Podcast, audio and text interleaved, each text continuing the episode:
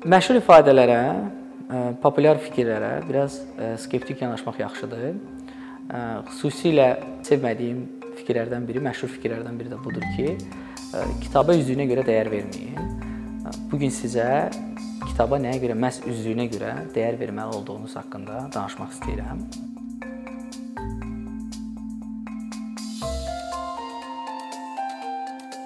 Dizaynla, vizual kommunikasiyalardan danışanda bizə elə gəlir ki, bu e, yeni alətlərdir, yeni e, belə deyək, istifadə metodlarıdır istənilən kommunikasiya üçün. Amma e, nəzərə almaq lazımdır ki, hələ orta əsrlərdən elə götürsək, protestant və katolik kilsələri arasında ideoloji fərqlər var idi ki, bunlar özünü həm də vizual tərəfdə, vizual dizaynda belə deyək, özünü çox bariz şəkildə göstərirdi. Məsələn, protestant kilsəsi daha sadə, daha asketik, belə demək olarsa, olduqca bəsit və sıxıcı eksteryerdən, interyerdən istifadə edirdisə kilsələrində, bunun arxasında dayanan bir düşüncəsi var idi.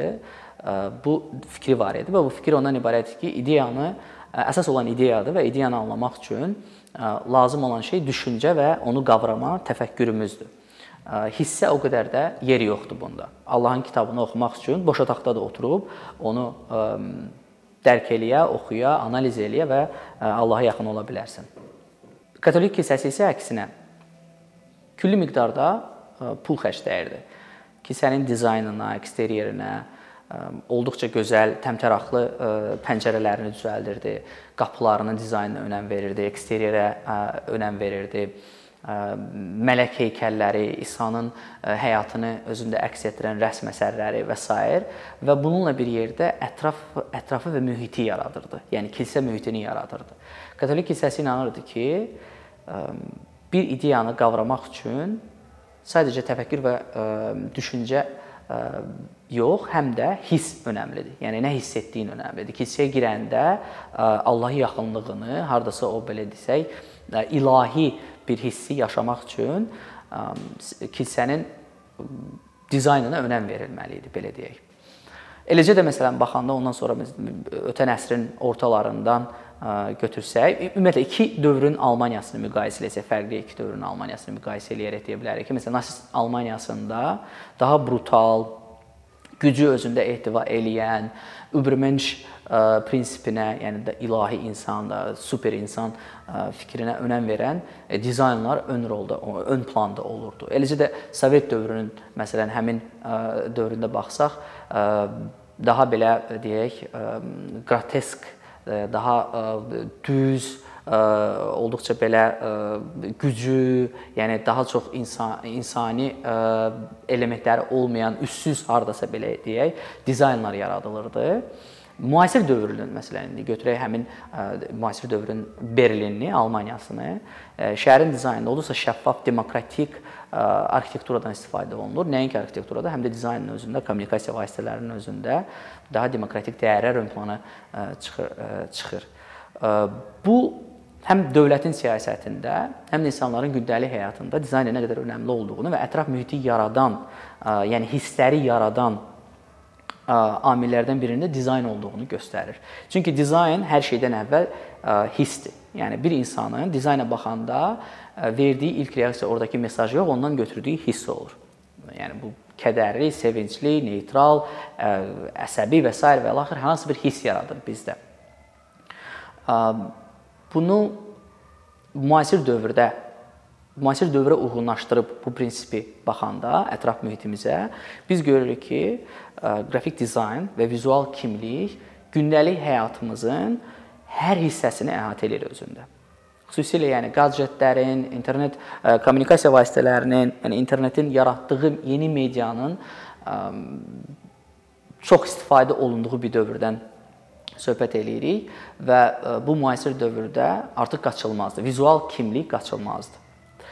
Vizual kimlik deyəndə, vizual mövqe deyəndə biz sadəcə hər hansı bir şirkətin, hər hansı bir dövlətin və yaxud hansı bir dövlət müəssisəsinin vizual mövqeyini nəzərdə tutmamalıyıq. Hər bir insanın artıq vizual bir mövqeyi var. Məsələn, Instagramda paylaşdığınız storylər olsun, TikTok videolarınız olsun, orada istifadə elədiyiniz fondların fond seçimləriniz olsun və yaxud da seçdiyiniz fotonun rənglənməsi olsun, o həmin o yazdığınız, üzərinə yazdığınız hər hansı bir yazının yerləşdirilməsi olsun. Bu sizin vizual mövqeyinizdir, sizin baxışınızdır. Müasir dövrü həm də böyük korporasiyalarla adi insanları heç vaxt olmadığı qədər eyni mediaya salıb və ə, hər bir insana, hər bir kəsə, belə deyək, istər böyük bir şirkət olsun, istər yenə də dediyim kimi dövlət qurumları olsun və yaxud da adi adamlar olsun, onların hamısına eyni media ə, kətanı verib. Yəni hər birimiz məsələn Nike-nin istifadə elədiyi ə, Instagram stories-də belə deyə, Instagram hekayələrinin də ölçüsü sizin istifadə elədiyiniz Instagram ə, hekayələrinin ölçüsü qədərdir. İkiniz də ə, eyni kətanı istifadə edirsiniz. Və bu öz özlüyündə nəyi yaradır? Rəqabəti yaradır. Çünki bir insan ə, yaxşı dizayna baxıb, ondan sonra pis dizayna baxanda artıq bunu seçə bilir. Ə, əvvəl biz reklamları xüsusi billboardlarda, televiziyada və s. görürdüksə, hər hansı bir belə deyək, şirkətin ə, vizual mövqeyini biz reklamlar üzərindən görürdüksə, artıq onların profilləri var. Artıq onların ə, istifadə etdiyi müxtəlif media kətanlar var ki, o kətanlardan biz də istifadə edirik. Böyüklü, kiçikli hər bir şirkətlər, dövlət qurumları, ə, ola bilər hansısa bir ə, yəni qeyri-hökumət təşkilatları və yaxud da adi bir insanlar, blogerlər və s. və ilaxır. Burada heç vaxt olmadığı qədər yəni orta əsrlərdən bu yana qədər heç vaxt olmadığı qədər ə, vizual mövqe, vizual kimlik ə, daha da ə, önəmli bir rola sahib olur, rola yiyələnir. Xüsusilə krizis dövründə vizual təqdimat və vizual kimlik çox böyük rol oynayır. Bunun nümunələrini həm 2020-ci ilin e, pandemiyasından e, pandemiyasından sonra davam edən, yəni dünyada baş verən müxtəlif siyasi e, hadisələr, təbii fəlakətlər və s. və laxırından rahat görə bilirik. New York ştatının qubernatoru Andrew Cuomo'nun pandemiyada populyar bir adama çevrilməyi misalını göstərmək olar. Hər şeydən əvvəl ona diqqət yetirməliyik ki, nəyə görə Cuomo crisis management-də bu qədər önəmli mövqe tuta bildi. Məncə müxtəlif siyasətçilərin zəifliyi fonunda kifayət qədər güclü mövqeyi olan və nə istədiyini, nə dediyini yaxşı bilən bir adamın adam mövqeyi sərgiləməklə yanaşı Cuomo-nun həm də təqdimatı çox böyük rol oynadı insanlara inandırmaqda, insanlara düzgün və əmin mesajı ötürməkdə. Onun gündəlik təqdimatlarının mərkəzində isə e, vizual e, vizualları dururdu. Yəni həmin təqdimatın üzərində istifadə olunan sözlər olsun, e, orada təqdimatın necə dizayn olunması olsun, bundan əlavə hansısa rəqəmlərin, datanın vizuallaşdırılması olsun. Bunlar hamısı çox önəmli rol oynayır. Çünki insanlar ona baxanda mesajı daha əminliyi, oradakı mesajdakı qətiyyəti daha rahat görə bilirdilər. Komonun krizis menecmenti həm də yalnız yəni dövlət idarəçiliyində yox, həm də məncə dizayn sahəsində biraz əla təcrübələrdən biri oldu. Artıq insanlar təqdimatın önəmliyini və vizual mövqeyin önəmliyini dərk etməyə başladı. Bu təqdimatların ortasında insanların davamlı olaraq baxdığı və yadında saxladığı müxtəlif günlərdə insanların yoluxma nisbətən yoluxma sayının yaratdığı belə deyək qrafik var idi. Həmin qrafik dağa bənzəyirdi və e, bu dağ öz-özlüyündə bütün insanların ağlında qalmışdı və o deyirdi ki, biz qalxırıq, biz platodayıq, e, biz artıq dağdan enirik, dağdan düşürük və bunun hamısını, yəni adi datanın vizuallaşdırılmasını e, necə mükəmməl yerinə yetirə biləcəyini nümunəsini göstərdi və ən axırda da o e, dağı həqiqətən də dağ formasında, belə balaca bir miniatür formada dağı yaratmaqla da öz e, təqdimatlarının belə deyək, final nöqtəsini qoymuş oldu. E, bu bizə onu göstərir ki, həm dövlət idarəçiliyində, həm də yəni istənilən krizis menecmentdə vizual kimlik, vizual təqdimat çox önəmli rol oynaya bilər. Qrafik dizayn deyəndə insanların ağlına daha çox gözəllik, hər hansı bir formada xoş təəssürat bağışlamalı olan bir hətta rəsm əsərinə bərabər olan bir şey ağlına gəlir. Çox vaxt qrafik dizaynerlərin özləri də öz işlərini qrafik artistlə səhv sala bilirlər. Burada yad, yadımızda saxlamalı olan və çox önəmli olan məqamlardan biri odur ki, qrafik ə, dizaynın, yəni ümumiyyətlə dizaynın, tərtibatın ə, məqsədi yalnız gözəllik deyil, həm də funksionallığı və ə, kommunikasiyanı düzgün yerinə yetirməyidir. Loqo və brendinqlə yanaşı müxtəlif kommunikasiya vasitələrində vizual mövqe də çox önəmlidir. Bayaq da qeyd elədiyim kimi artıq yeni media dəyişib və biz bu reallıqla barışmalı olan şirkətlərin necə çətinlik çəkdiyini bəzən görə bilirik. İnsanlar sizi bütün sosial şəbəkələrdə gözləyir. Siz hər hansı bir sosial şəbəkədə yoxsunuzsa, deməli bu sizin bilərəkdən seçiminizdir və bu artıq vizual mövqeyinizdir. Bunu yadda saxlamaq lazımdır. Nəzərdə saxlayaq ki, dizayn hiss yaradan və düşüncəni formalaşdıran əsas amillərdən biridir. Buna görə də yaxşı dizayn artıq lüks deyil. Yaxşı dizayn artıq minimal tələbdir, minimal gözləntidir.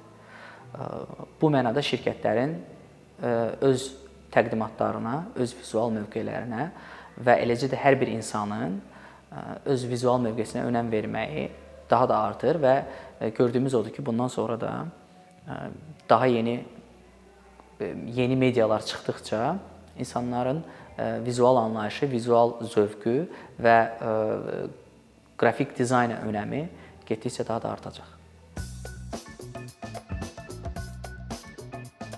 Bir neçə ildir ki, əkinçi olaraq Azərbaycanlı izləyicilərin hər zaman faydalana biləcəyi keyfiyyətli və ən əsas ödənişsiz kontent hazırlamağa çalışırıq. İndiyədək təqdim etdiyimiz onlarla animasiya və yüzlərlə çəkilişlər tələbələrin, mütəxəssislərin, müəllimlərin və ümumiyyətlə yeni mövzulardan xəbərdar olmaq istəyən çox sayda insanın marağına səbəb olub.